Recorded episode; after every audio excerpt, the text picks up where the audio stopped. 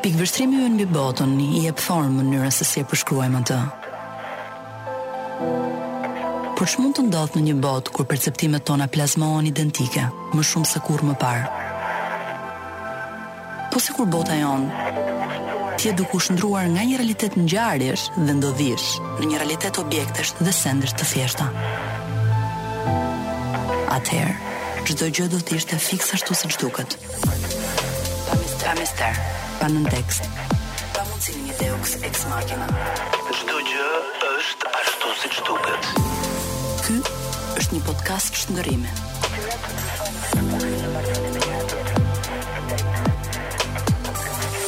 Çdo gjë është ashtu siç duket.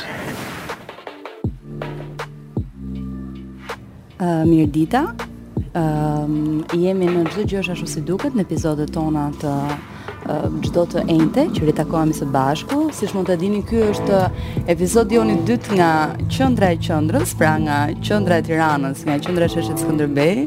Në sfond do të dëgjoni prova të një grupi rock i cili sigurisht luan i palajmëruar, por un kam domethënë shpresoj që sot vetëm sa të shërbejë për të na dhënë pak më shumë pak më shumë ritëm dhe pak më shumë bazë. Pavarësisht se ëm um, pavarësisht se tema që do të trajtojmë është një temë që um, normalisht do kishte qenë pak më aulike në sensin që mbase në një studio më të qetë do ishte transmetuar më mirë, por kam idenë që nga njëra anë kjo mund ta bëjë edhe më më interesante. Un kam në studio Andi Rëmbecin dhe Sokol Çungën. Ë, uh, Sokolin e kemi patur dhe në episodin tonë të parë. Kemi fatin që ta kemi edhe tani në këtë episod tjetër. Dhe tema që do të trajtojmë është merr shkas nga një episod shumë interesant uh, që ka ndodhur me një xhirimin e një videoklipi të cilin ju e njihni të gjithë, që është një videoklip i vëllezërve Veshaj dhe Elgit Dodës, i cili është xhiruar në një muze ikonash, në muzeun mesjetar të Korçës dhe që aty pastaj nisi një diskutim. Një diskutim shumë i rëndësishëm, i cili çoi edhe në shkrimin e një artikulli që titullohet Muzeu dhe paradoksi i së shenjtës profane, i shkruar pikërisht nga Andi Rëmbeci që un kam kënaqësinë ta kem sot në studio. Ëm dhe Çfarë po mendonim diçka? Po mendonim që për çfarë duhet kritika dhe si funksionon. Është një pyetje shumë e madhe që thotë nëse një pemë bie, por nuk ka asnjë njeri që e dëgjon këtë pemë që bie, a ka rënë vërtet ajo pemë? Ë, uh, kjo nuk diskutohet që edhe po mos ta kishim lexuar ne Andi sigurisht prapë do ta kishe shkruar artikullin dhe do ta kishin lexuar njerëz të tjerë, por e rëndësishmja dhe e mira e kulturës në njëjtën kohë është dhe që ë uh, Në momentin që dikush jep një kontribut publik, pra shkruan diçka dhe ka mundësi që dijet e veta dhe opinionet e veta t'i përhapë, çfarë ndodh? Ndodh që ky është një diskutim që pastaj duhet pasuar, pra duhet rimarrë nga njerëz të tjerë, të cilët vendosin ta ndjekin këtë hulli diskutimi dhe të çelin vend për debate dhe për diskutime të tjera, sepse padyshim asnjë gjë nuk është e sanksionuar në mënyrë përfundimtare. Ëm Ne do flasim siç thamë pak për muzet.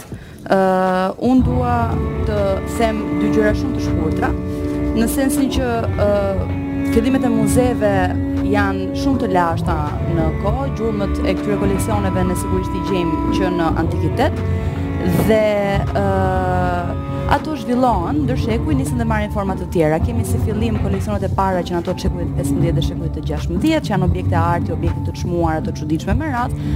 Pastaj kemi edhe krijime të tjera për të arritur deri tek periudha e Rilindjes dhe më mbrapa tek në shekullin e 19 që është nën ndikimin e iluminizmit dhe të revolucionit francez. Që muzeu nis dhe merr po themi pak a shumë karakteristikat që ai do të ndiqte edhe në epokën që ne Sigurisht jetojmë. Në 1793, gjatë Revolucionit Francez, krijohet Muzeu i Luvrit, i Luvrit, i cili është muzeu i Republikës Franceze, duke celebruar kështu shndërrimin e shumë thesareve, të cilat ndodheshin në pasuri private, siç njiheshin deri më përpara, kthehen këto në një farë mënyre kthehen në pasuri kombëtare. Dhe kjo bën pikërisht çeljen, po themi hapjen e këtij momenti shumë të rëndësishëm historik. se uh, si do të zhvillohen muzet, çfarë zhvillimi do të kenë në Shqipëri, qëllimin që do të marrin dhe nga ana tjetër edhe se si këto uh, muze do ta plazmojnë marrëdhënien që ne kemi jo vetëm me artefaktet me ruajtjen në vetvete, por dhe me konceptin uh, e trajtimit të artefakteve, të marrëdhënies mes tamam së shenjtës dhe profanes dhe uh, të gjithë asaj që derivon nga kjo, pra nëse reagimet e vetme duhet të jenë reagime qytetare apo dhe reagime publike, Këto do t'i zbulojmë në këto sa kemi një orëshin e ardhshëm duke shpresuar shumë fort që edhe provat mbrapa nesh eventualisht të, domethënë, këto djem të stërviten sa të stërviten dhe pastaj po themi të bëjnë pak pushim që uh, që në një farë mënyre të të na lejnë edhe një herë në turn. Kam kënaqësinë siç thashë që kam Andrin Vecën dhe Sokol Çungun në studio. Si fillim njëherë ju kërkoj ndjesë për uh, provat dhe për zallamahin e sheshit, po me sa duket këto janë gjëra që ne nuk kemi mundësinë t'i parashikojmë. Kështu që do bëni një intervistë që është pak e veçantë nga herët e tjera. Kam idenë që të dy ju në fund të kësaj do merrni medaljen si komunikuesi publik më i mirë.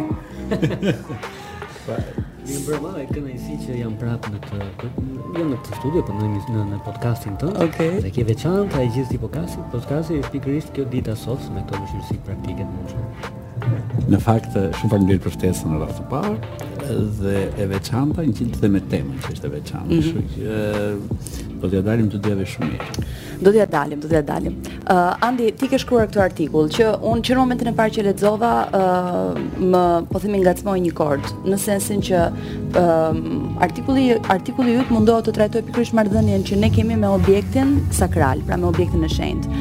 Uh, që ta shpjegojmë pak më në thellësi dhe për ata që nuk e dinë ç'ka ndodhur. Është xhiruar një videoklip muzikor Brenda një muzeu i cili është një muze ikonash. Po. Po. Tani, sigurisht që ka ndodhur, ka precedentë të tjerë të ndodhë që ka ndodhur situata të ngjashme, videoklipi në vetvete ose aktivi, zhvillimi i aktiviteteve paralele që ndihmojnë kupti për të kuptuar më mirë domethënien e të gjitha objekteve që ekspozohen në një muze është i mirëpritur dhe i motivuar. Mm -hmm. Por këto aktivitete paralele mirë është që të jenë në ndihmë dhe në shërbim të këtij kuptimi dhe këtij koncepti dhe jo jashtë këtyre. Zakonisht për arsye të ndryshme në realitetin tonë kemi vënë re që zhvillohen aktivitete të cilat nuk uh, orientohen drejt këtij uh, fokusi, pra drejt këtij shërbimi të nevojshëm.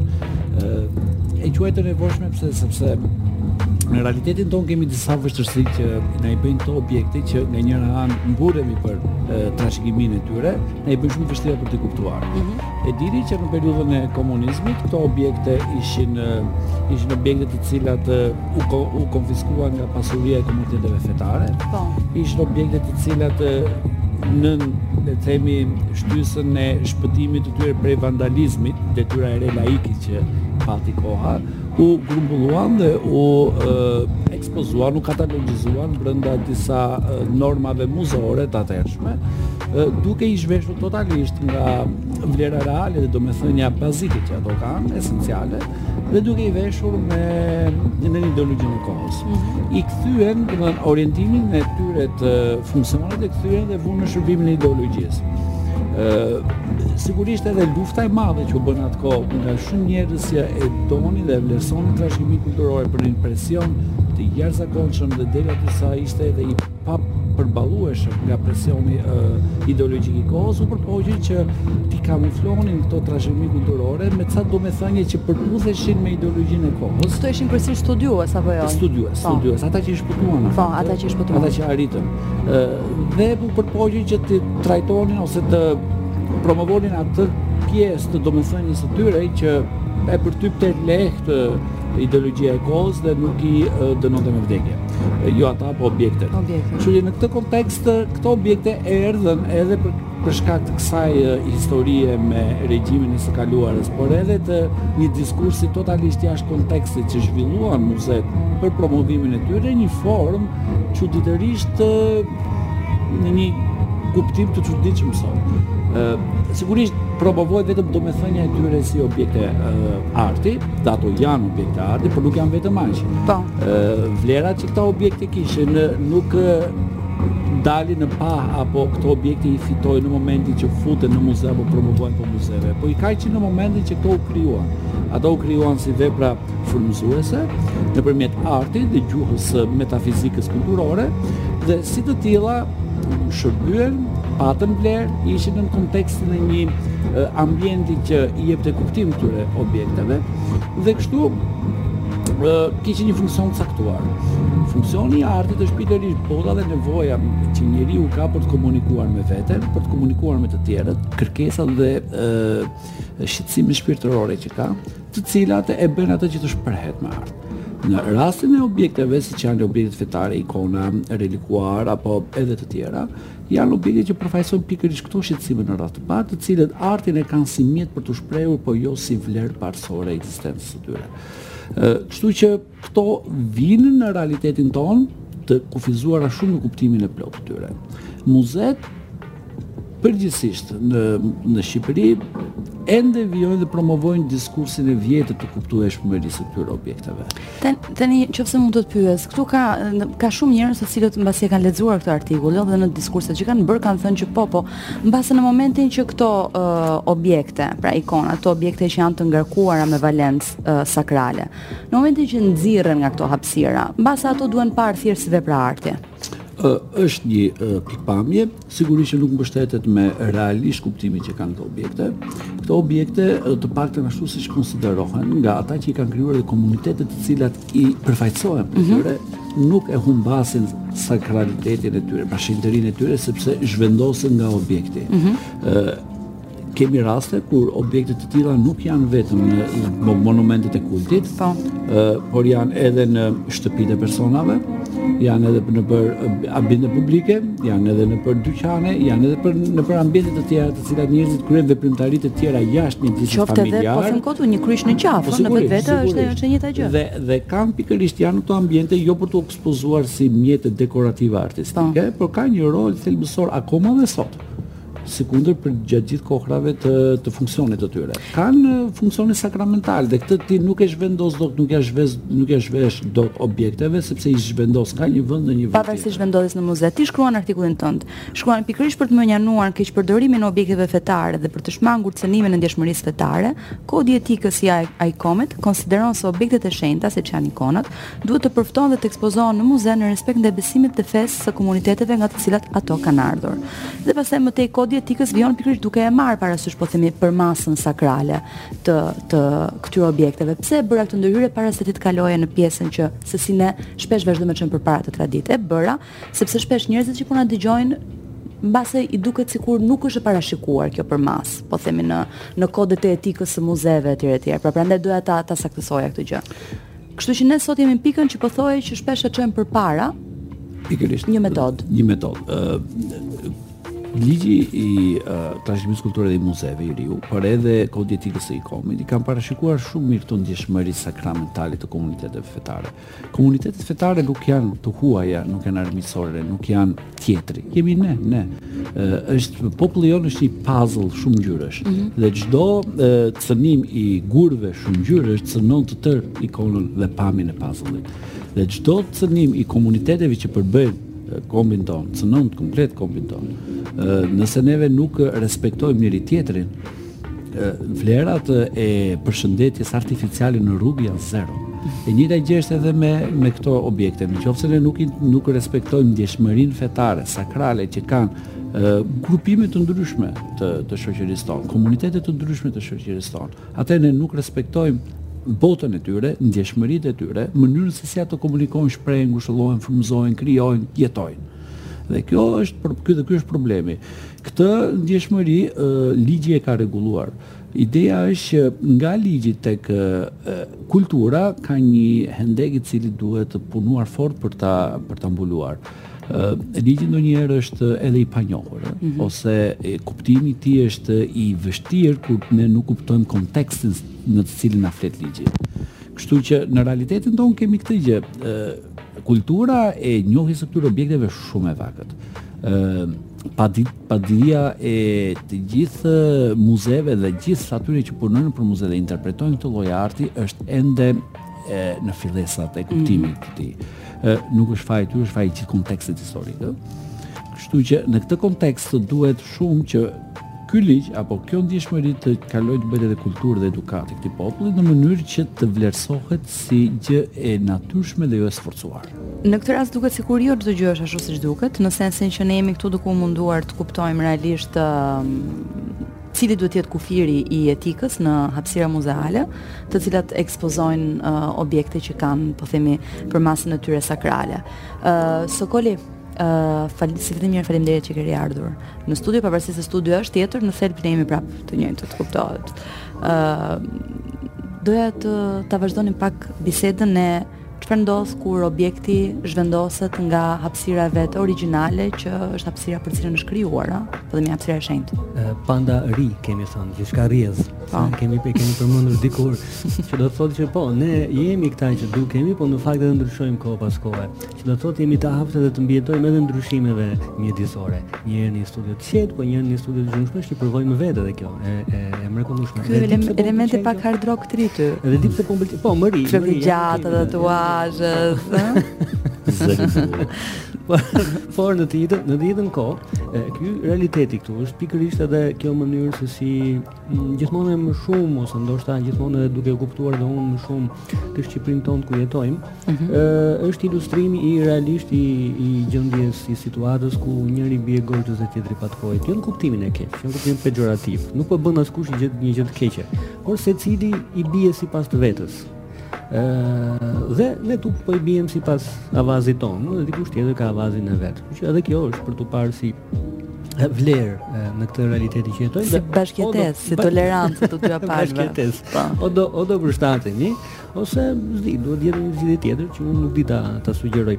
Ë nuk dua të ndaj të largohem nga tema, nga e, e shenjta dhe e dhe laikja që bashkë ekzistojnë me objektin muzeor, ë e mund të jenë ikonat e, e cilitdo muzeu që i ka të, të mbledhur ato nga objekte fetare, nga më fal nga ndërtesa e, fetare, ndërtesa e, e nga kishat, e, mund të jenë edhe objekte të tjera që nuk lidhen domosdo me me kishat, por mund të lidhen me çfarëdo lloj mjedisi që ka aurën e së shenjtës, mund të jenë edhe nga tempuj paganë që i kemi në Shqipëri, mund të jenë edhe nga tempuj të besimit islam e kështu me radhë. Këto tempuj qëndrojnë edhe në në rrënjë të etimologjisë së fjalës muze nga njëra anë, ndaj si ta thoje pak këtë. Aha, pikë shumë e bukur është. Fjala muze është marrë nga greqishtja museion, mm -hmm. tempulli vendi i muzave ose tempulli i muzave. Dhe e, format e para të muzeve janë pikërisht edhe dhuratat që u çoheshin muzave, muzave dhe që mblidheshin në një lloj banke ose në lloj kasaforte, ku bashkë me mm, vlerat monetare që vinin si dhuratë për muzat edhe për tempullin vetvete të muzave, ishin vendosur edhe objekte të tjera të çmuara që mund të ishin objekte praktike të, të përditshme, objekte dekorative në metale zakonisht të çmuara ose objekte artistike që kishin një vlerë të përveçme jo si e zakonshmja. Që do thotë muzetë e periudhës klasike helenistike, i përkasin pikërisht formës së koleksionit, formës së një koleksioni mishmash ku nuk ka një rend në renditjen e e objekteve, nuk ka legjenda, por në thelb prej aty vjen muzeu. Dhe më mbrapa e hasim muzeun të bashkangjitur me tempuj të tjerë, me tempuj të Estisë apo Vatrës apo më mbrapa e hasim të bashkangjitur edhe me bibliotekën e Aleksandrisë. Biblioteka e Aleksandrisë funksiononte një shkollë. Bashkë me shkollën funksiononte edhe ë edhe një muze. Ishin të gjitha të lidhura. Bibliotekë pa arsim nuk ka, pa ndarje dije nuk ka. Muze pa ndarje dije, pa përgatitje për të kuptuar muzeun nuk mund të pra, ekzistojë. Pra duket sikur që në gjenezë ka qenë edhe prap një bashkim midis asaj që është e adhuruar. Dhe elementin edukativ dhe elementin sakral mm -hmm. janë të dyja të lidhura bashkë. por gjithmonë duke respektuar njëra tjetrën dhe duke krijuar një ekuilibër të harmonishëm. Dhe këtu më kujtohet në kuadrin e, e muzeut që strehon brenda dhe të shenjtën, më kujtohet më një teori e, e njohur tashmë këtu prej 20-20 e ca viteve e një historiani arti quhet Aleksej Lidov, i cili ka krijuar një ka plazmuar një term të quajtur hierotopi nga hieros E shenjtë dhe topos vend. Mm -hmm. Hierotopia e, e Lidovit vjen si e, një lloj paraleleje e asaj që Mircea Eliade, filozofi dhe antropologu i po. mirënjohur, e ka sendërtuar si hierofani. E, pra, përmes një shfaqjeje së të shenjtës në manifestimet e përditshme, po si, sidomos në manifestimet e e folklorike në festat popullore që mund të jenë karnavalet, mund të jenë kapërcimet mbi zjarr, festat e kësaj natyre ose ritet që lidhen me natyrën dhe marrëdhënien e njeriut me stinoret, me stinën e, e gjithçka tjetër. ë në të njëjtën formë ka krijuar Lidov ka krijuar termin hierotopi dhe do të thotë hierotopia për Lidov është krijimi i një hapësire të shenjtë e cila duhet të kundrohet si një formë e përveçme krijimtarie, nuk duhet të ndahet në element. Thotë Lidov, thotë, kur shohim një monument mesjetar, thotë, mendja na shkon tek konceptuesi, tek krijuesi specifik i kësaj hapësire të shenjtë, roli i të cilit është nismëtar, themelor dhe shumë funksional. Ashtu si regjizorët e filmave të epokës së sotshme, përgjegjësia e këtij konceptuesit fillestar nuk lidhej vetëm me imazhërinë e përgjithshme hapësinore, por edhe me lidhje të ndërlikuara mes arteve të ndryshme të mbledhura të gjitha këto në një vend specifik që është edhe vend i shenjtë. Pa kuptuar këtë funksion kulturor, Nuk kemi për të kuptuar dot kurrë qartë dukuri të shumta të kulturës mesjetare. Dhe ë largohemi pak nga teoria e Lidovit dhe vijmë te vijmë tek rasti ynë. Si do ta kuptojmë monumentin e zhveshur nga objektet që dikur ndodheshin brenda tij, pasi dimë se shumë prej objekteve që ndodheshin specifikisht për uh, kishat, uh, të cilat kanë objekte që mund të lëvizen, sepse Kemi dhe objekte tjera fetare, por nuk kanë kanë një sasi kaq të madhe objekte që mund të lëvizen edhe mund të ekspozohen diku tjetër. Prandaj marr rastin e kishave dhe e, në disa muze në Shqipëri, qoftë në Muzeun e Artit Mesjetar në në Korçë, qoftë në Muzeun e Onufrit Berat, qoftë në Muzeun Historik Kombëtar në Tiranë, dhe këto janë më të njohurit, mund të kemi edhe muze të tjerë që tash mund të mos jenë dhe kaq funksionalë, por dikur kanë qenë më funksionalë. Kemi objekte që janë marrë nga tempujt e krishterë. le t'i lëmë pak, bëjmë konvencionin e lëmë pak e, sakralen mënjanë dhe merremi me elementin e laicitetit. E, le të vijmë tek studimi dhe tek promovimi i kësaj trashëgimie kulturore. E, duke qenë që duke në, në, në vijim, vijim të teorisë së Lidov që nuk mund të kuptojmë elementin e shkëputur pa patur parasysh tërësinë, Vijmë tek ana edukative dhe studimi, ana studimore që na përball në mënyrën me cilën do t'i studiojmë këto objekte të shkëputura nga konteksti i tyre. Sepse as monumenti të cilit i kanë përkitur dikur dhe as objektet e shkëputura prej tij nuk na flasin kështu me gjithë kapacitetin e tyre, por vetëm me karakterin fragmentar që u ka mbetur. Pra, pavarësisht se cila është situata dhe si do vazhdojë të jetë në në në Shqipëri konkretisht, duhet gjithmonë të kemi parasysh se jemi përballë objekteve dhe monumenteve të shkëputura fizikisht njëra nga tjetra.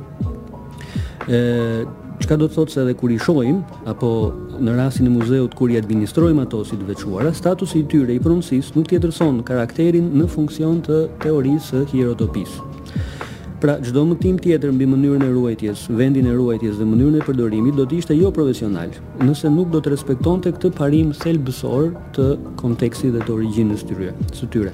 Përndryshe, po të mos jemi të aftë të kuptojmë, po të mos jemi të aftë t'i bëjmë të na flasin këto objekte, Për ç'arsye, nga ana tjetër, i ruajmë? Dhe për ç'arsye shpenzojmë kohë duke i konservuar, kohë duke i restauruar? Dikush mund të thotë që i ruajmë si si dëshmi ë um, historike dhe artistike. Kjo është kundërpërgjigje. Ç'kuptim ka thesari i groposur dhe ç'kuptim ka burimi i vulosur, i cili nuk shfrytëzohet. Pse duhet ta ruajmë pafund një pasuri, pa qenë të aftë ta shfrytëzojmë këtë pasuri? Kjo është një shprehje që ta shfrytëzojmë plotësisht, por un jam kurioze, Andi, është e mund, është i mundur shfrytëzimi plotësisht i kësaj pasurie në momentin që ndodh kjo që thot Koli, pra që automatikisht ato shkëputen dhe rivendosen në një ambient tjetër. Pikërisht kjo ky është problemi i kësaj, se neve zgjedhim të kuptojmë pjesërisht vlerën e plotë të një objekti. Okej. Okay. Dhe duhet të qëndrojmë deri këtu, Për shembull, në periudhën e mëparshme iu dha një rëndësi shumë e madhe anës së vlerës etnografike të objekteve që ekspozoheshin në muzetë që kishin vepra të artit kishtar apo fetar përgjithësisht. Dhe gjithë kuratorët e muzeve iu kthyen gjuhës së, së artit për të kufizuar përvojën e audiencës vetëm në perceptimin laik të këtyre veprave, e të kishin domethëniet e shenjta. Domethënë është gjithmonë paradigma e arsyesë që mbizotëron në muze dhe në mënyrë sistematike shmang çdo interpretim të performancës muzeale si fetare ose të varur nga besimi. E thënë shkurt, roli i spiritualitetit në përvojën njerëzore shpesh neglizhohet ose mohohet në muze dhe muzetë perceptohen si makineri që prodhojnë apo shpërndajnë njohuri pa hapësirë për emocione, për afektivitet apo për spiritualitet. Kjo më pëlqen shumë që the sepse un kam edhe një pyetje tjetër për ju, të cilët sigurisht këtë pjesë të historisë e njihni shumë më mirë. Ëm um, ato pra këto lindin si objekte me ngarkesa sakrale. Ëm um, siç e dimë një pjesë e këtyre objekteve janë ruajtur edhe nga njerëzit vetë në kohë të vështira në Shqipëri. në kohë që këto objekte ishin adhurimi i këtyre objekteve ishte i ndaluar, një pjesë janë ruajtur nga njerëzit, të cilët kanë bërë një sakrificë, sepse minimalisht ajo që që kanë bërë është që kanë vrarë frikën për hir të besimit, pra ata të asaj çka, të asaj çka ajo ikonë, po themi përfaqësonte. Në këtë moment a janë këto objekte të veshura me një dopio sakralitet, duke qenë që ti përmende edhe marrjen në konsideratë të afeksioneve, përmasës shpirtërore të njerëzve etj etj. Çfarë ndodh me këto objekte? Shiko, ka pas disa fenomene shumë të, të rralla, por të rëndësishme për të kuptuar pikërisht këtë që thua.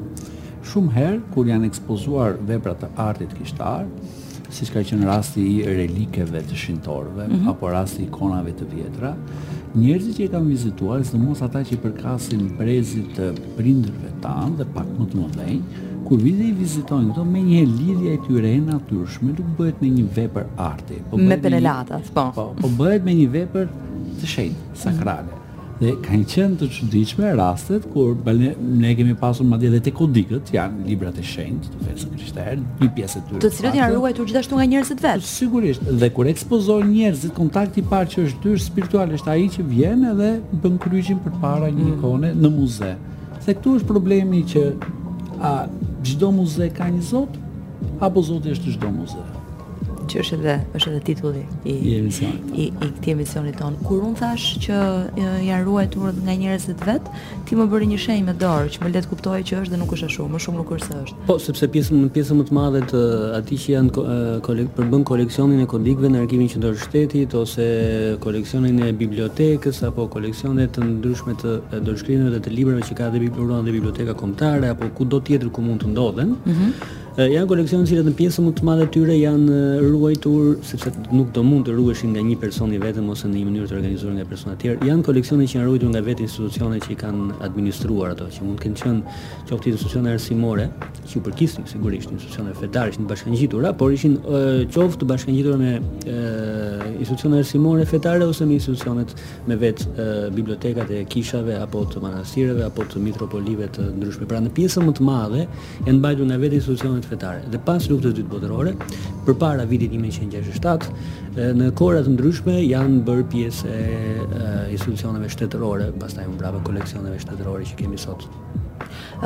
Unë jam shumë kurioze të shqyrtojmë pak elementin e çfarë është etikisht e lejueshme në një muze. Okej, pra ne të bëjmë. Le të shtoj diçka përpara se ta bësh këtë pyetje, pasi pyete Andin më përpara për vlerën e dyfishtë që kanë këto po, objekte. Pyeta Andin, po nuk pyeta vetëm Andin. Një vlerë po. tjetër që kanë. Të gjithë mundin e atyre njerëzve qoftë përpara periudhës komuniste, qoftë pas periudhës komuniste dhe që na i kanë sjellë deri në ditët e sotme, janë njerëz që vërtet kanë mbajtur pozicione shpeshherë administrative, ata të periudhës pas periudhës komunizmit, edhe ata më herët thjesht kanë bërë detyrën e tyre shpirtërore dhe detyrën si qytetarë, ndoshta edhe si besimtarë, nëse kanë qenë dhe besimtarë, ë kemi një sakrificë të bërë prej njerëzve.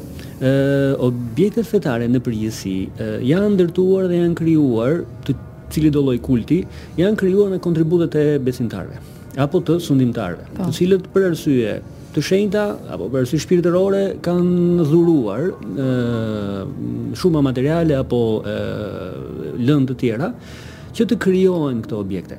Ke pra kemi në fillim kemi sakrificën. Më mbrapa kemi sakrificën e atij që i ka ruajtur. Më mbrapa në periudhën e komunizmit sakrificën e atyre që patën guximin të gjenin arsye, sot mund të jenë ndonjëherë edhe çuditshme, mund të jenë edhe çuditshme dhe profesionale, por motivi ishte për të ruajtur sa më shumë dhe e, për të shkatërruar, për të shpëtuar nga shkatërrimi sa më shumë syresh.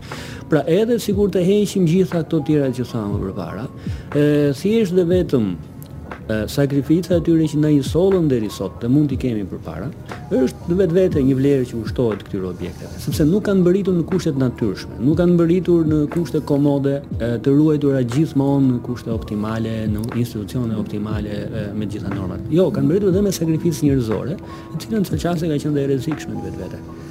Për, po, për mua kjo është e vërtetë. Nëse mund të shtoj diçka, patjetër. Ka, kjo është një vlerë, por është një shtytje shumë e madhe për të kuptuar pak se cila është ajo forcë që njeriun e bën të kapërcejë frikat dhe më të mëdha. Ëh. Mm -hmm. Ajo forcë e cila njeriun e bën të kalojë despotizma, sisteme auto, autokratike dhe që jep shpresë për të kaluar një sistem demokratik.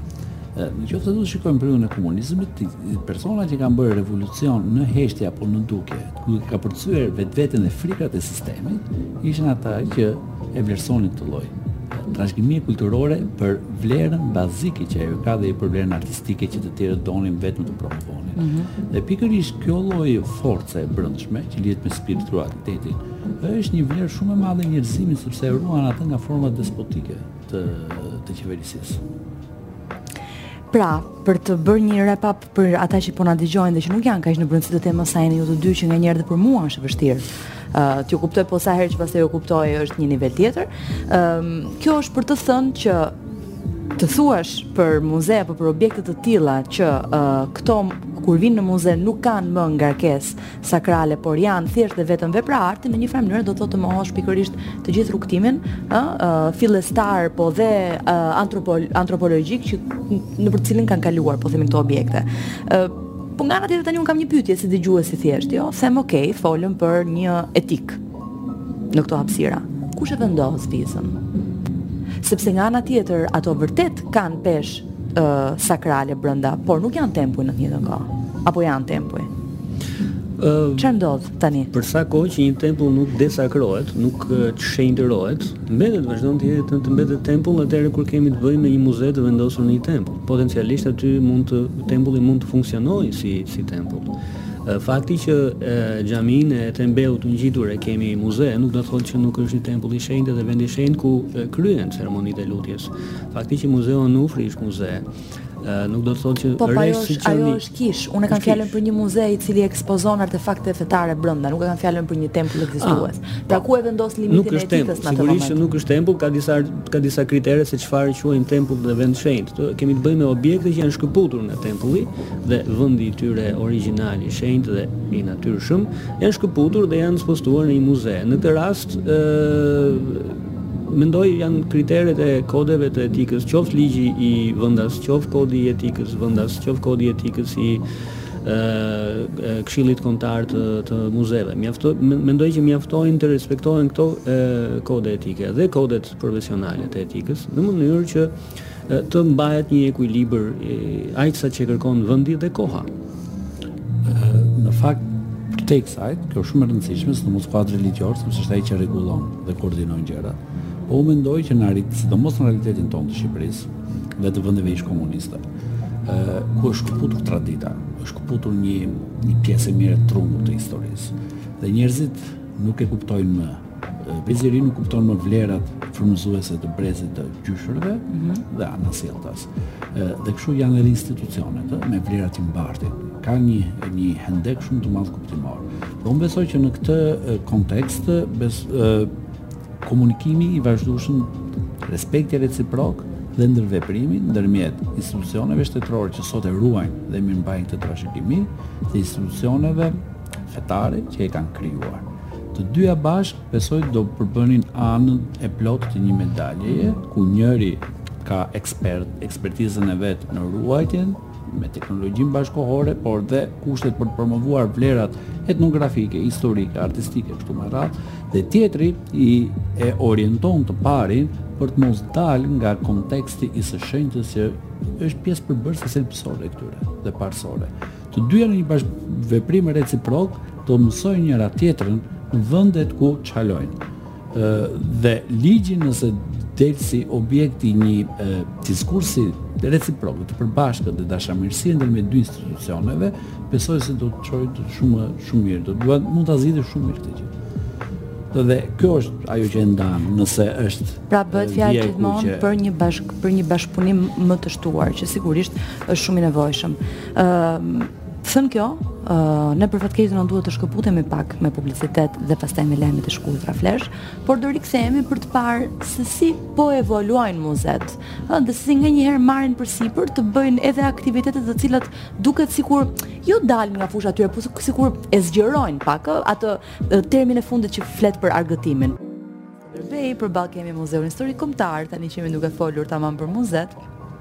Kështu që uh, unë vazhdoj sigurisht të jem me Antrën Bencin, me Sokol Çungën këtu në në çdo gjë është ashtu si duket. Ë uh, sapo kaloi dhe Don Qesari me një qese konadi në dorë, por nuk na pa.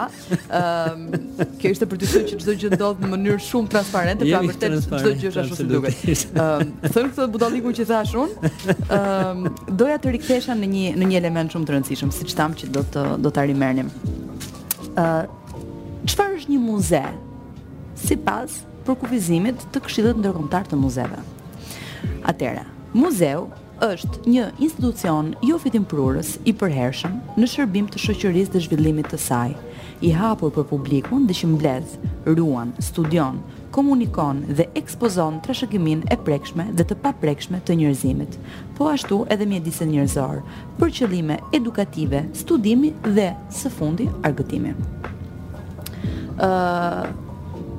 Kjo është e rëndësishme, përkufizimet janë të rëndësishme sepse pavarësisht se gjërat sigurisht evoluojnë dhe ne siç e folëm, siç lexuam pak edhe nga teksti im i parë, po sikurse na shpjegoi edhe Sokoli, ë sigurisht edhe institucioni i muzeut ka evoluar me kalimin e kohës, si çdo krijim po themi që është një krijim njerëzor që evoluon në nevojë të ë nevojat e njeriut, të ideologjive me radhë. Megjithatë prap, përkufizimi na duhet për të mbajtur një bosht, prap për të mos ndryshuar kom, komplet po themi ë natyrën e këtij institucioni.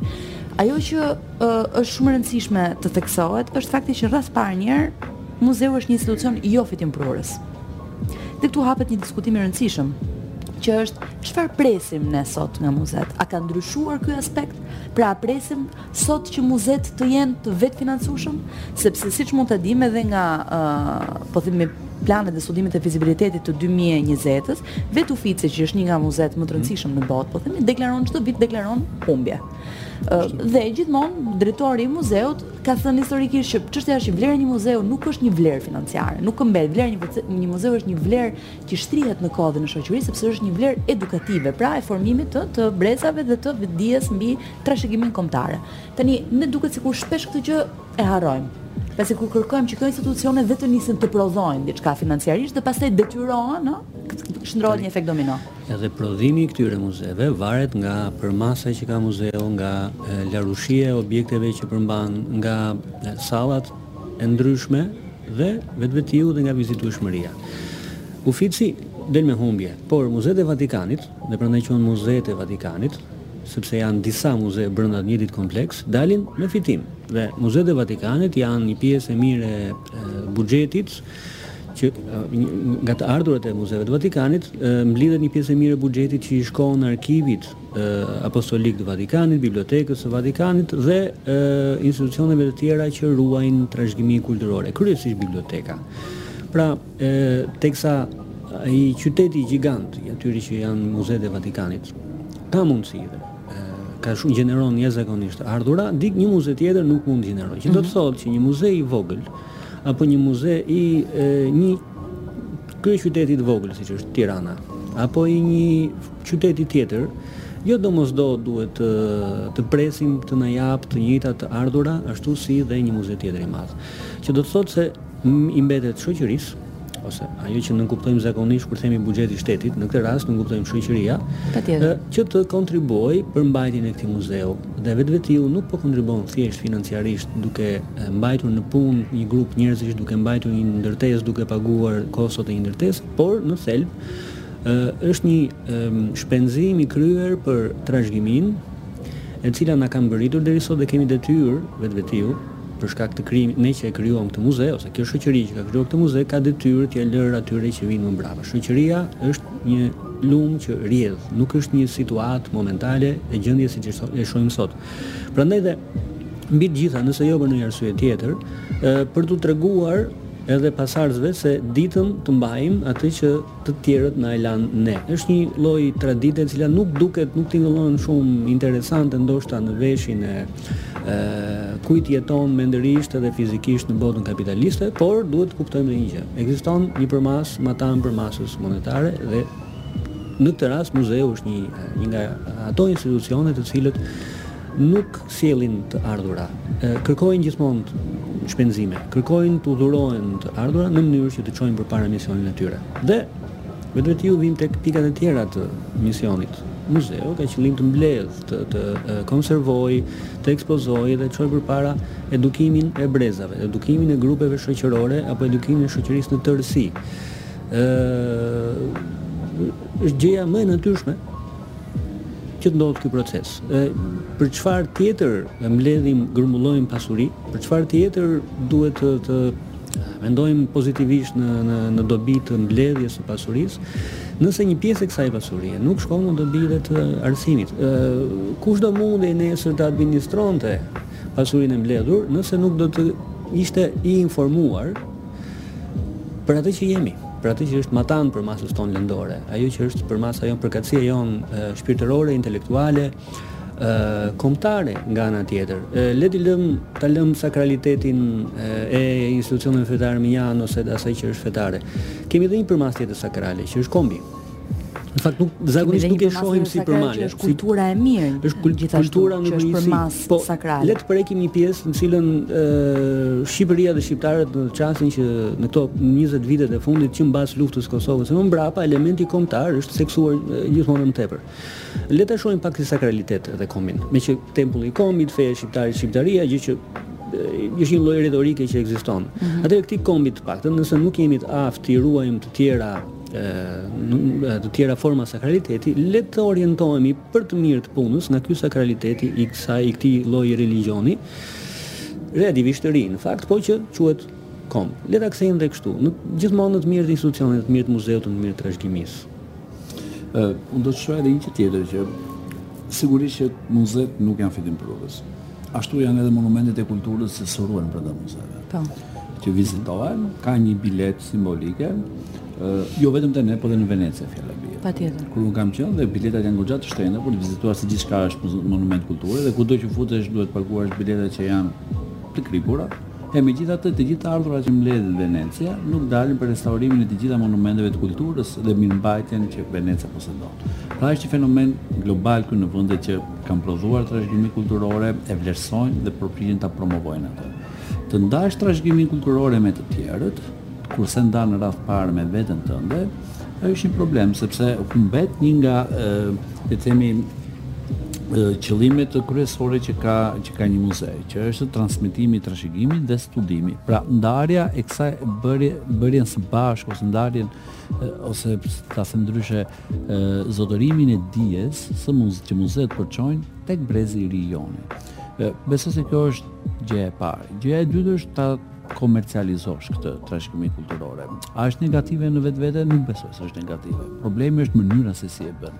Jo qëllimi që ta komercializosh. Komercializimi është po. në këtë kontekst, të fillosh të shesësh trashëgiminë kulturore. Varen varen edhe parametrat që përdoren uh, në këtë komercializim, sepse në qoftë se ajo i heq atë që është aura, sigurisht. Ë ka një gjë për shembull, në qoftë se a duhet të kenë muzetë biletë, është një pyetje. Pra, e, dija dhe trashëgimia duhet komercializuar. E, së dyti, e, në qoftë se organizohen aktivitete të cilat gjenerojnë të ardhura për muzeun. Kjo është në vetvete diçka e gabuar që s'përputhet me natyrën e institucionit. Unë besoj se këto nëse nuk kalojnë atë natyrën e muzeut, vijën e kuqe që thamë pak më parë, nëse respektojnë e, trashëgiminë kulturore, historinë, ndjeshmëritë e komuniteteve fetare kur bëhet fjalë për objekte të kultit, apo e, le të themi patcënueshmërinë e siteve arkeologjike ku kemi se s'është vetëm në muze trashëgimia kulturore. Patjetër që. Jo. Besoj që janë dhe kur janë brenda natyrës e promovojnë vetë kulturën që mbartet në këto site arkeologjike, besoj se është diçka që është aplikuar edhe në vende të tjera dhe mund të aplikohet edhe në vendin tonë. Ajo që nuk mundet të bëhet është ndërthurja e veprimtarive që i kanë natyrat krejt të ndryshme dhe flasin gjuhë krejt të ndryshme mes tyre. Po dhe mbi të gjitha kanë edhe nevoja të tjera, siç është rasti i infrastrukturave të brendshme të muzeve. Për shembull, ti po prek një temë që unë do, dua ta ta saktësoj pak më përpara për ata që na dëgjojnë, të cilët mm -hmm. gjithsesi janë jashtë këtij kubit tonë të vogël po, të po. xhamit. Ë uh, shohim që gjithmonë e më shumë uh, muzet jepen drejt funksionit të argëtimit. Unë nuk mendoj që argëtimi është i fundit në radhë në mënyrë të rastishme në përkufizim. Mendoj që argëtimi është lënë në fund për arsye sigurisht edhe rëndësie. Po ky është opinioni im. Ë dhe çfarë bën për për të bërë gjithë këtë argëtim? Shpesh, jo vetëm forma e argëtimit nuk përputhet me materialin, me kontentin e brendshëm të muzeut, por në një farë mënyrë ajo e ka shumë të vështirë që t'i adaptohet dhe infrastrukturës muzeale. Është shumë e vështirë që të mbash një koncert brenda në muze. Sigurisht është shumë e vështirë që të zhvillosh një sërë aktivitetesh të tjera, të cilat nuk janë të planifikuara për të qenë brenda atij muzeu. Po vërtet. Ë sigurisht që edhe aktivitetet që themi, aktivitete paralele brenda muzeve, nuk janë domosdoshmërisht të kritereve teknike absolute dhe perfekte, mm -hmm. që t'i përshtaten edhe natyrës dhe funksionit apo dhe misionit që ka muzeu. Për shembull, unë do të merrja dy dy shembuj që janë kontroversalë. Për muzeun e Korçës kishim rastin e regjistrimit brenda ambienteve ë pa teknikën, akustikën apo dhe ambientin e nevojshëm të një videoklipi, muzike moderne. Dhe nga ana tjetër, disa ditë më vonë, i njëjti muze organizoi një veprimtari paralele që ishte shumë pozitive në dy gjëra, në natyrën që vetë muzeu ka dhe në promovimin dhe kuptimin më të thellë të asaj trashëgimie që muzeu promovon. Ishte një ekspozitë që promovonte veglat muzikore në artin bizantin dhe paralelisht ishte edhe një koncert i një muzike bizantine mm -hmm. me veprat e Johan Kukuzelit, që është kompozitor shqiptar nga Durrësi dhe ka lëvruar këtë lloj muzike, duke i dhënë brezit të ri të kuptojë një dimension që është krejt i panjohur dhe shumë i natyrshëm në atë ambient. Sigurisht, muzika bizantine dhe kori nuk është se gjetën ambientin më të përsosur nga ana teknike me akustikën e duhur, por në atë thjeshtësinë e tyre i dhanë brezit të ri të kuptojë një dimension që ishte i panjohur.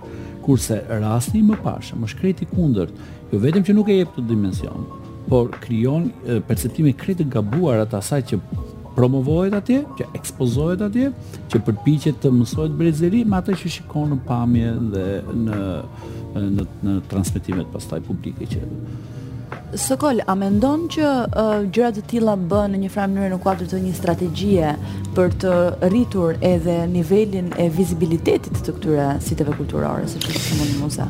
Um, pra për t'i bërë më të afrueshme, për t'i bërë pak më të pëlqyeshme nga njerëz që uh, kanë, pra janë audienca, e kësaj tipologjie muzike e tjera e tjera, pra si një lloj karremi, po themi për të kapur dhe një brez më të ri. Është mëse e natyrshme që në përpjekjen për t'iu drejtuar çdo lloj grupmoshe dhe çdo lloj kategorie publiku, kolegët tanë, le të themi kolegë meqë punojmë me ruajtjen edhe promovimin e trashëgimisë kulturore dhe jemi realisht kolegë në këtë në këtë mision. Kolegët shpeshherë janë detyruar edhe të pranojnë dhe të marrin nismën ose të jenë pjesë, të jenë bashkëpunëtorë të veprimtarive të tjera të cilat nuk lidhen drejtpërdrejt me me funksionin e muzeut ose të dalin pak nga kuadri i ngurtë eh, muzeal. Ë eh, është ndoshta disa herë dhe një hap i detyruar, pasi um, një ekspozitë tematike apo një botim tematik i një institucioni të ruajtjes dhe promovimit të trashëgimisë kulturore, Jo gjithmonë ka të njëjtin numër klikimesh, numër lajkesh në rrjetet sociale. Po. Pra, është edhe kjo një mënyrë meqë është një një informacion jo zyrtar, por është një informacion faktik. Institucionet në përgjithësi në në vendin ku jetojmë dhe në në strukturën shtetërore që kemi monitorohen dhe për sa u përket lajkëve që arrijnë të mbledhin edhe popullaritetit që arrijnë të grumbullojnë në rrjetet sociale. Matet impakti i tyre publik. Matet impakti publik. Mirë, keq është një mënyrë dhe kjo është çështje më vete nëse duhet apo jo kështu. E kësisoj le ta kuptojmë këtë pjesë edhe si deri diku si një dalje të detyruar nga norma për shkak të mjedisit në të cilin ndodhen muzetë edhe Punonjësit e muzeve, një, në fund të fundit, janë njerëz të cilët duen, duan të tregojnë se dinë të punojnë edhe në kushte të vështira, edhe me, me mjete të pamjaftueshme, se dinë të punojnë edhe duke dalë nga kuadri formal i institucionit. Nuk është mënyra më e mirë kjo, për të grumbulluar po, për të qenë popullor dhe për të, për të mbledhur publik, por nga ana tjetër Duke marrë parasysh kushtet, është me gjasë një nga të paktat mënyra për të t'ia bërë bam një herë, për të për të treguar që edhe këtu ndodh një gjë e mrekullueshme. Personalisht nuk jam dakord me këtë mënyrë, por ë po kaq personalisht e, e mirëkuptoj dhe të gjithë mund të jemi ndodhur në një çast caktuar nën këtë lloj presioni.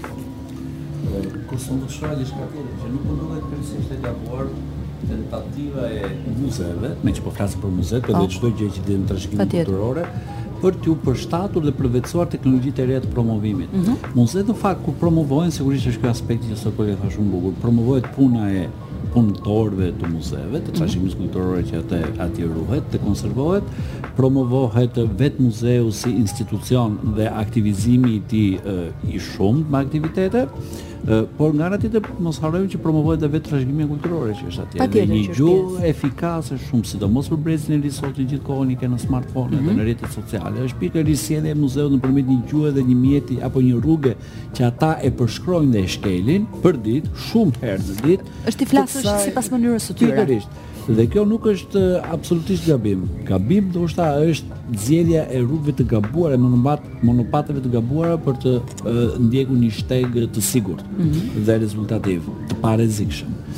Kjo po, është gabim, por jo ndjekja e e modernizimit dhe teknologjisë bashkëkohore. Mm -hmm. Një histori personale. Mm -hmm. Besoj ka qenë dhe Andi i pranishëm. Ë në në gjitha historitë e tua është Andi. Jo, jo në të gjitha. Okay. Po në këto që lidhen me kulturën, bë 99% po. ja, në, në podcastin e parë që ishim nuk ishte i pranishëm, nuk ishte nuk ishte me ne.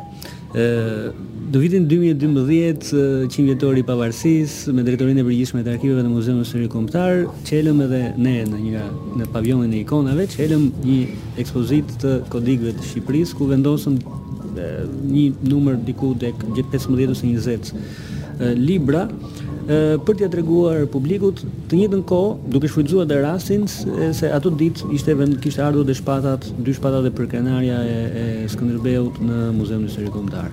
Të cilat ruhen në Vjenë. Të cilat ruhen në po. Vjenë. Kishin ardhur origjinalet, sepse të paktën zyrtarisht ishin origjinalet pasi mbaj mend që pati dhe debate janë apo s'janë. Nuk ka rëndësi kjo, rëndësi ka në atë çast kur vizitorët vinin dhe ishin një grup vizitorësh të shquar, një dy familje vipash të të të kulturës edhe të gazetarisë shqiptare. ë Mbasi kaluan një pamje, një pamje të shpejtë pavionit të ikonave ku ishin vendosur edhe kodikët dhe ku janë dhe në mënyrë stacionare pavioni i ikonave në Muzeun Historik Kombëtar. ë Interesante se nuk e nxorën asnjë çast telefonin nga xhepi për të bërë një foto siç bënin shumica e njerëzve dhe e vura re dhe kjo më pëlqeu. Mm -hmm. Por Në dalje, unë pashë dy, dy gjigantët e jetës kulturore të Shqipërisë, panë se si dy fëmijët e tyre respektivë, ishin ulur te shkallët, i kishin kthyer kurrizin pavionit, dhe kishin hapur të dy telefonin dhe po luanin. Atëherë nxorën telefonat dhe po thoshin, a, shi shi, ja brezi i ri, ja brezi i ri, ky është brezi i ri, ja, kjo duhet. Është një lloj forme edukimi i çedukuar. Vlerësohet fëmija i cili është i zhdërvjellët dhe i aftë të përdorë mjetet e fundit të teknologjisë, si telefonat celularë të ditëve të sotme. Ndërkohë, gjithë ajo kulturë që në thelb ka bërë të mundur që të krijohen këto mjete teknologjike, se po në vetvete libri, ikona, monumenti janë një gjetje teknologjike. Libri është një gjetje teknologjike. Aftësia për të pikturuar një ikonë e cila u mbijeton shekujve është një gjetje teknologjike. Sot nuk kemi prodhime të tilla.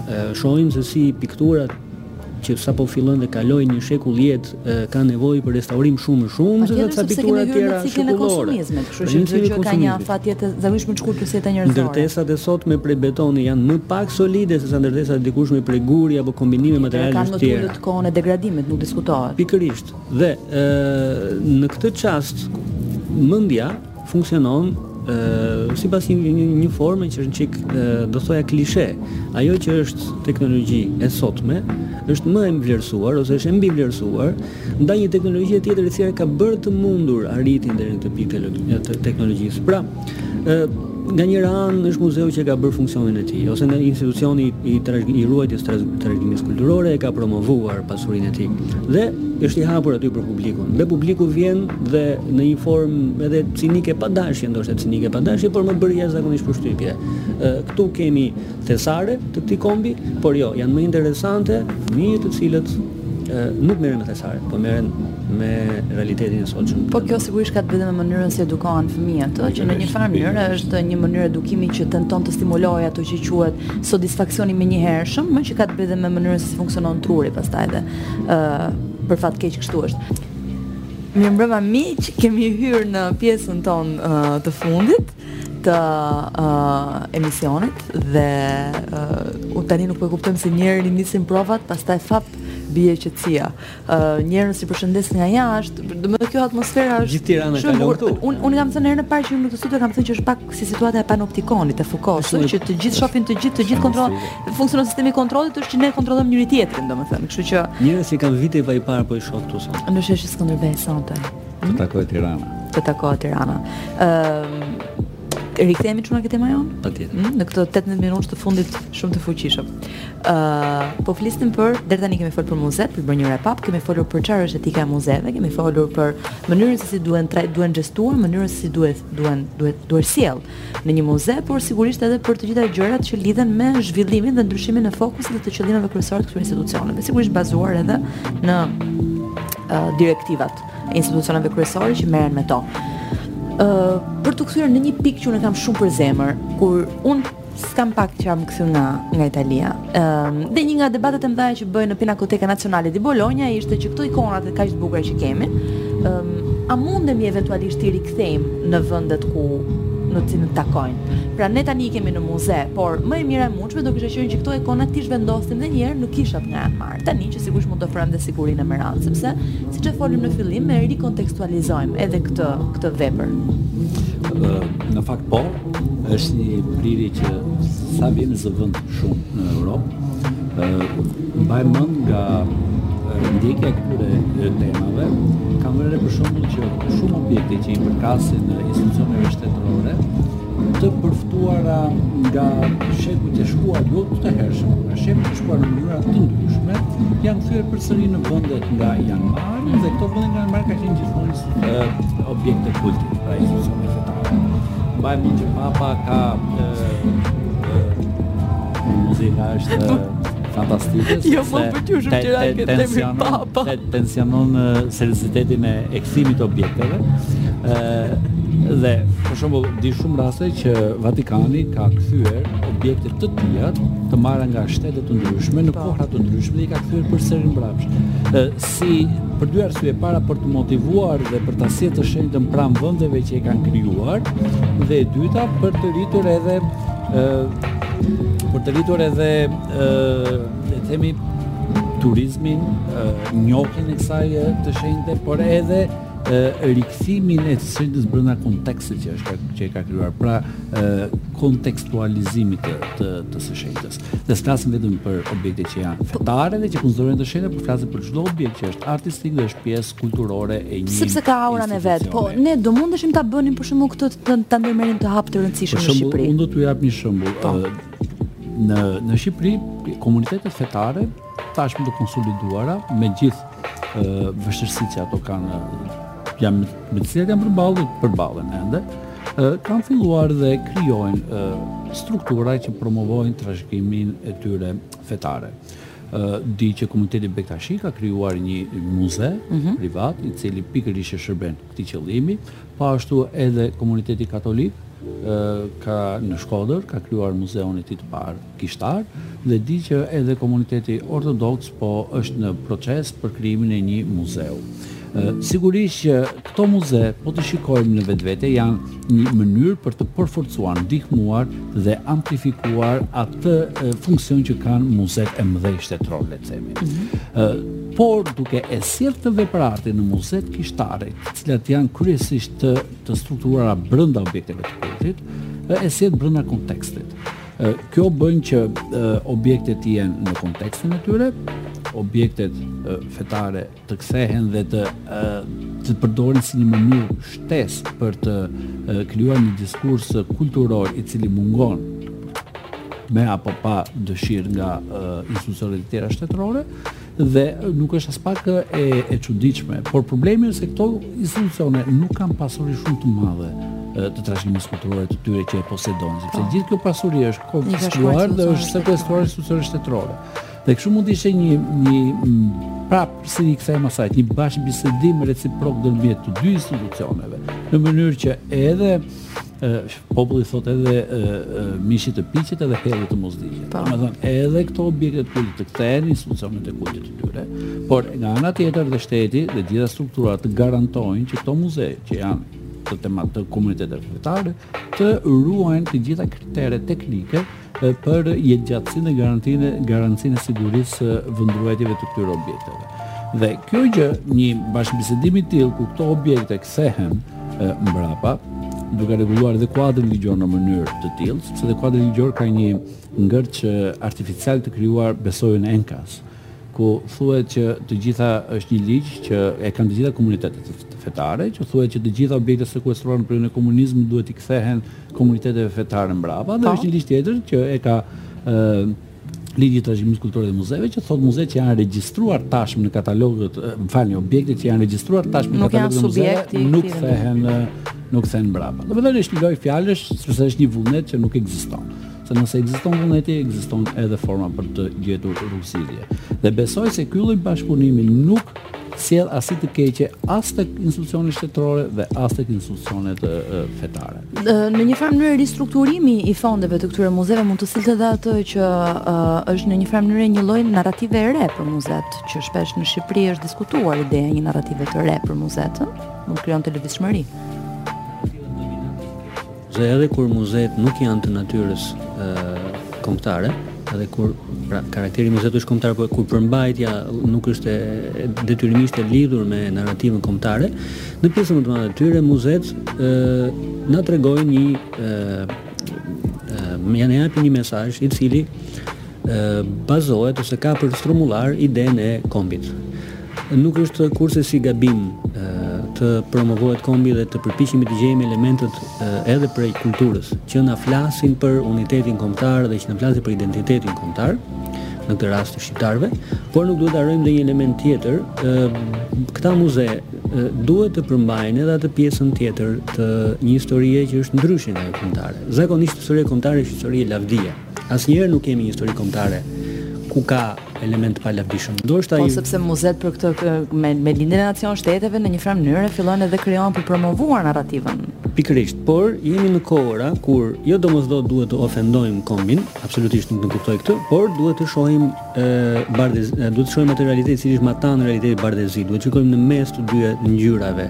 Nuk ekziston vetëm një histori e një kombi, ekzistojnë dhe histori minoritetesh, të cilat nuk i kemi të që mund të kemi të bëj vetëm një ndërhyrje shumë të vogël se nuk dua ta harroj, por po, një gjë që më ka pëlqyer është në Marsej, herën e fundit që vizitova, pashë muzeu i Marsejës quhet Muzeu i Kulturave. I Kulturave, pikërisht, sepse një muze nuk mban vetëm një kulturë. Një muze nuk i përket vetëm një kombi. Një muze nuk i përket vetëm një race, nuk i përket vetëm një gjinie, Dhe nuk i përket vetëm një orientimi seksual, po po të shkojmë edhe t'i marrim gradualisht të gjitha këto ndarësi. Mund të ndalesh pak te këto të dyja të lutem?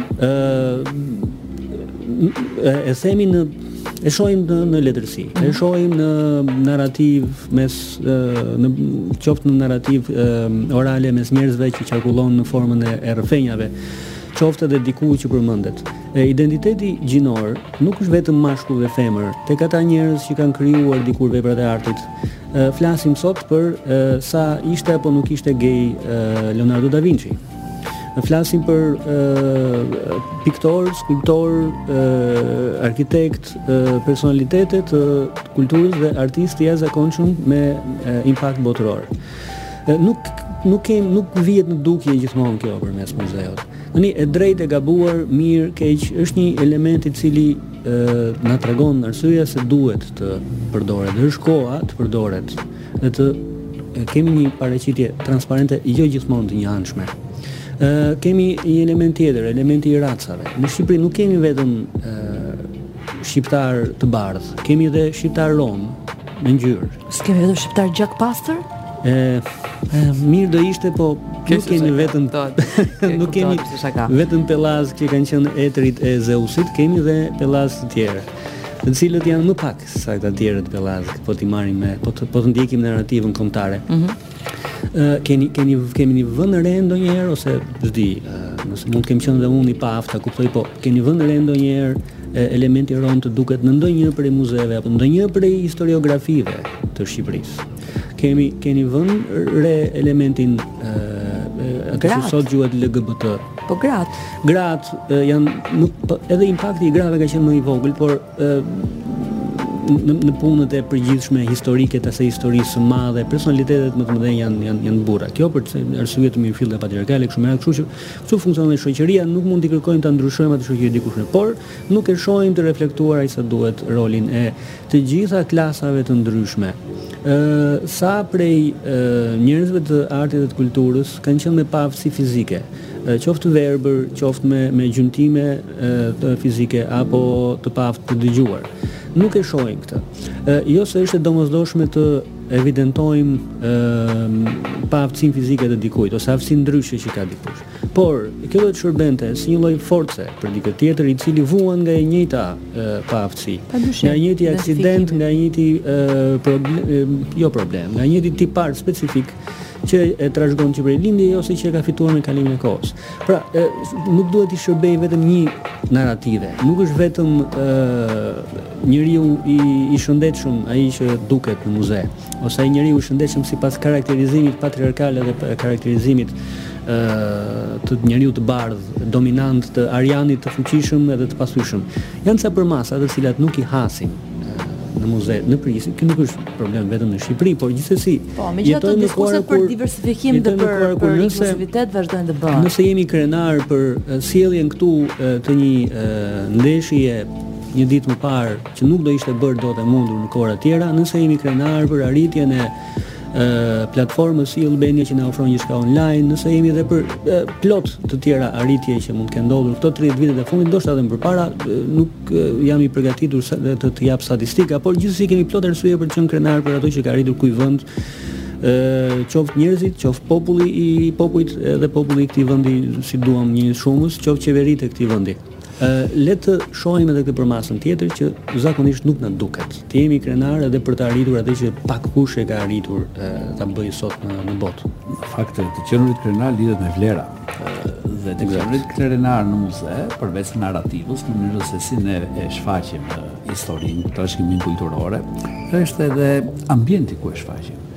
Për shembull, ne e dimë shumë mirë që muzetë tona nuk kanë mjediset optimale për ruajtjen, konservimin dhe më tej promovimin, edukimin e brezit të ri mbi trashëgiminë kulturore. Dhe të kesh, të respektosh kombin, të respektosh historinë tënde, të duash kulturën tënde, në radhë të parë duhet të merresh me konservimin e institucionit që e ruan atë dhe e promovon, dhe pastaj, që është dhe qëllimi parësor, dhe pastaj që kalojmë edhe në pjesë të tjera, për shembull, nuk është faj i muzeve tonë, por në verë në muzetë tanë nuk futesh dot.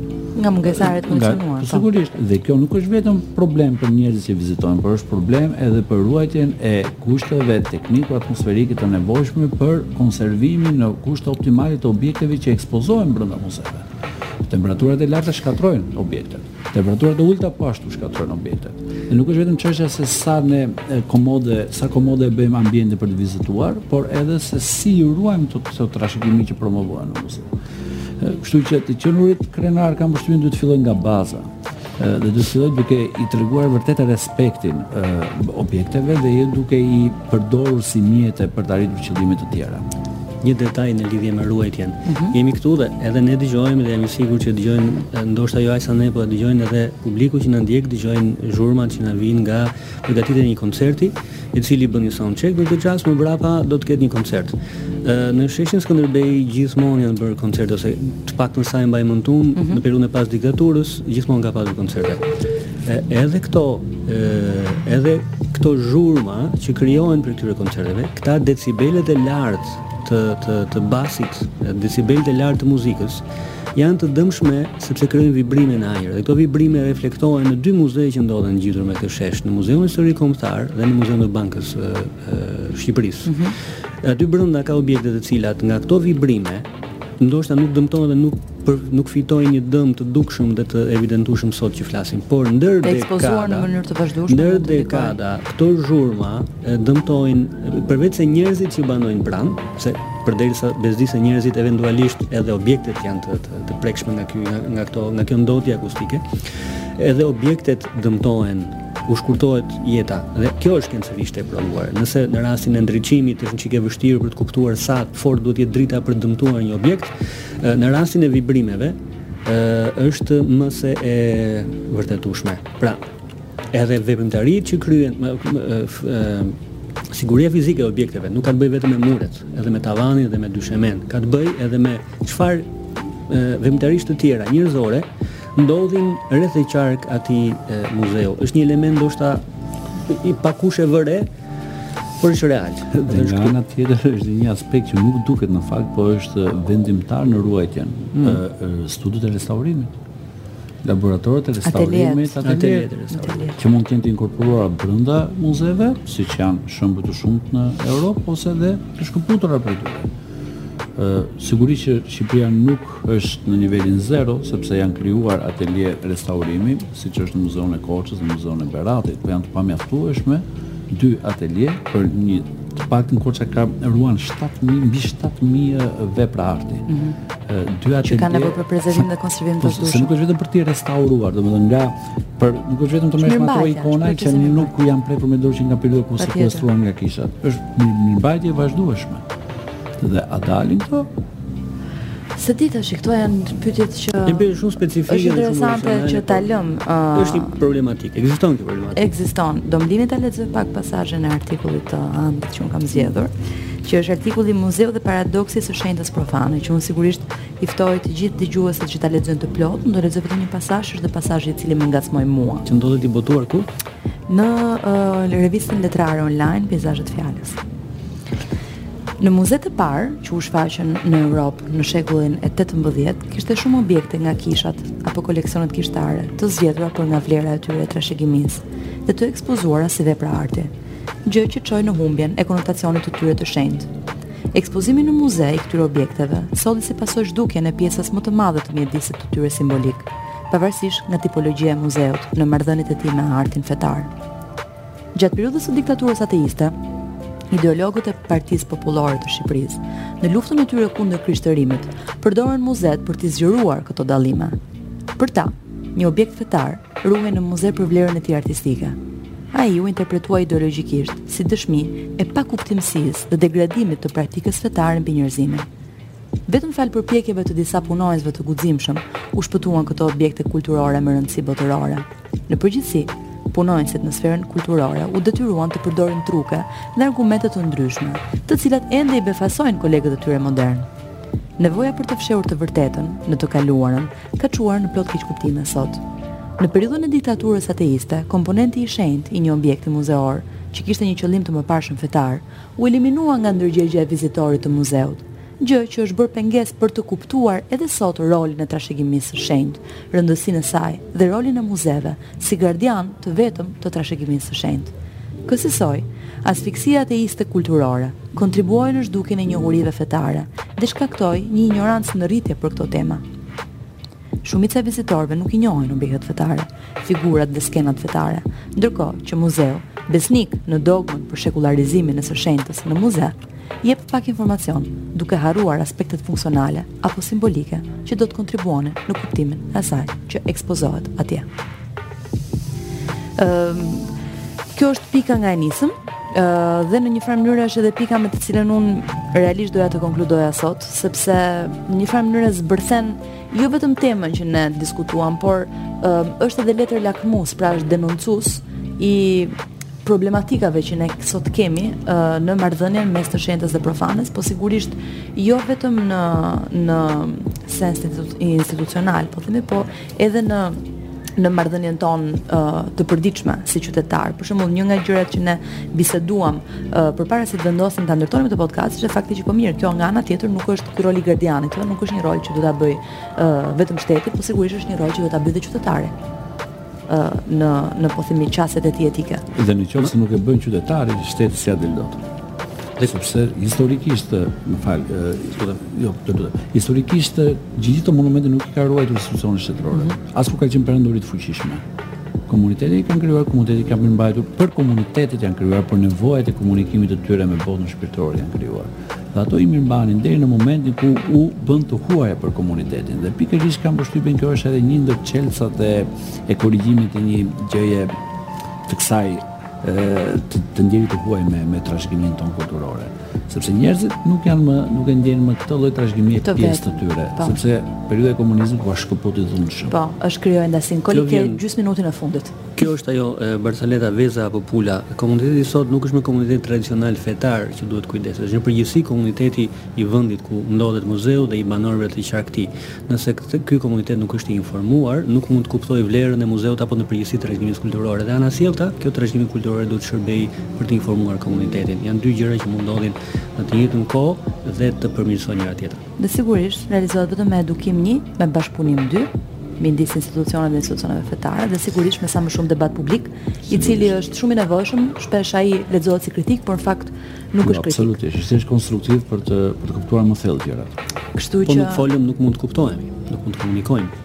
Po, po nuk folëm, nuk e kuptojmë që pe makaron. Ëm, ehm, kështu që ë uh, faleminderit shumë që uh, të gjithëve ju që ishit sot me ne që na dëgjuat. Faleminderit Sokolit dhe Andit, të cilët u përshtatën edhe në kushte të vështira, po Rock Banda zgjodhi që uh, të të, të tregohej pak e mëshirshme me ne dhe nuk luajti deri në fund. Mirë bëri. Pati vetëm atë momentin kur përmend papa që ë uh, për ta mbyllë me një notë humori. Unë ju falenderoj që ishit Shumë sot me ne dhe bashkë do dëgjohemi sërish të enjten që vjen në Asgjë s'është ashtu si duket. Fundjavë të këndshme.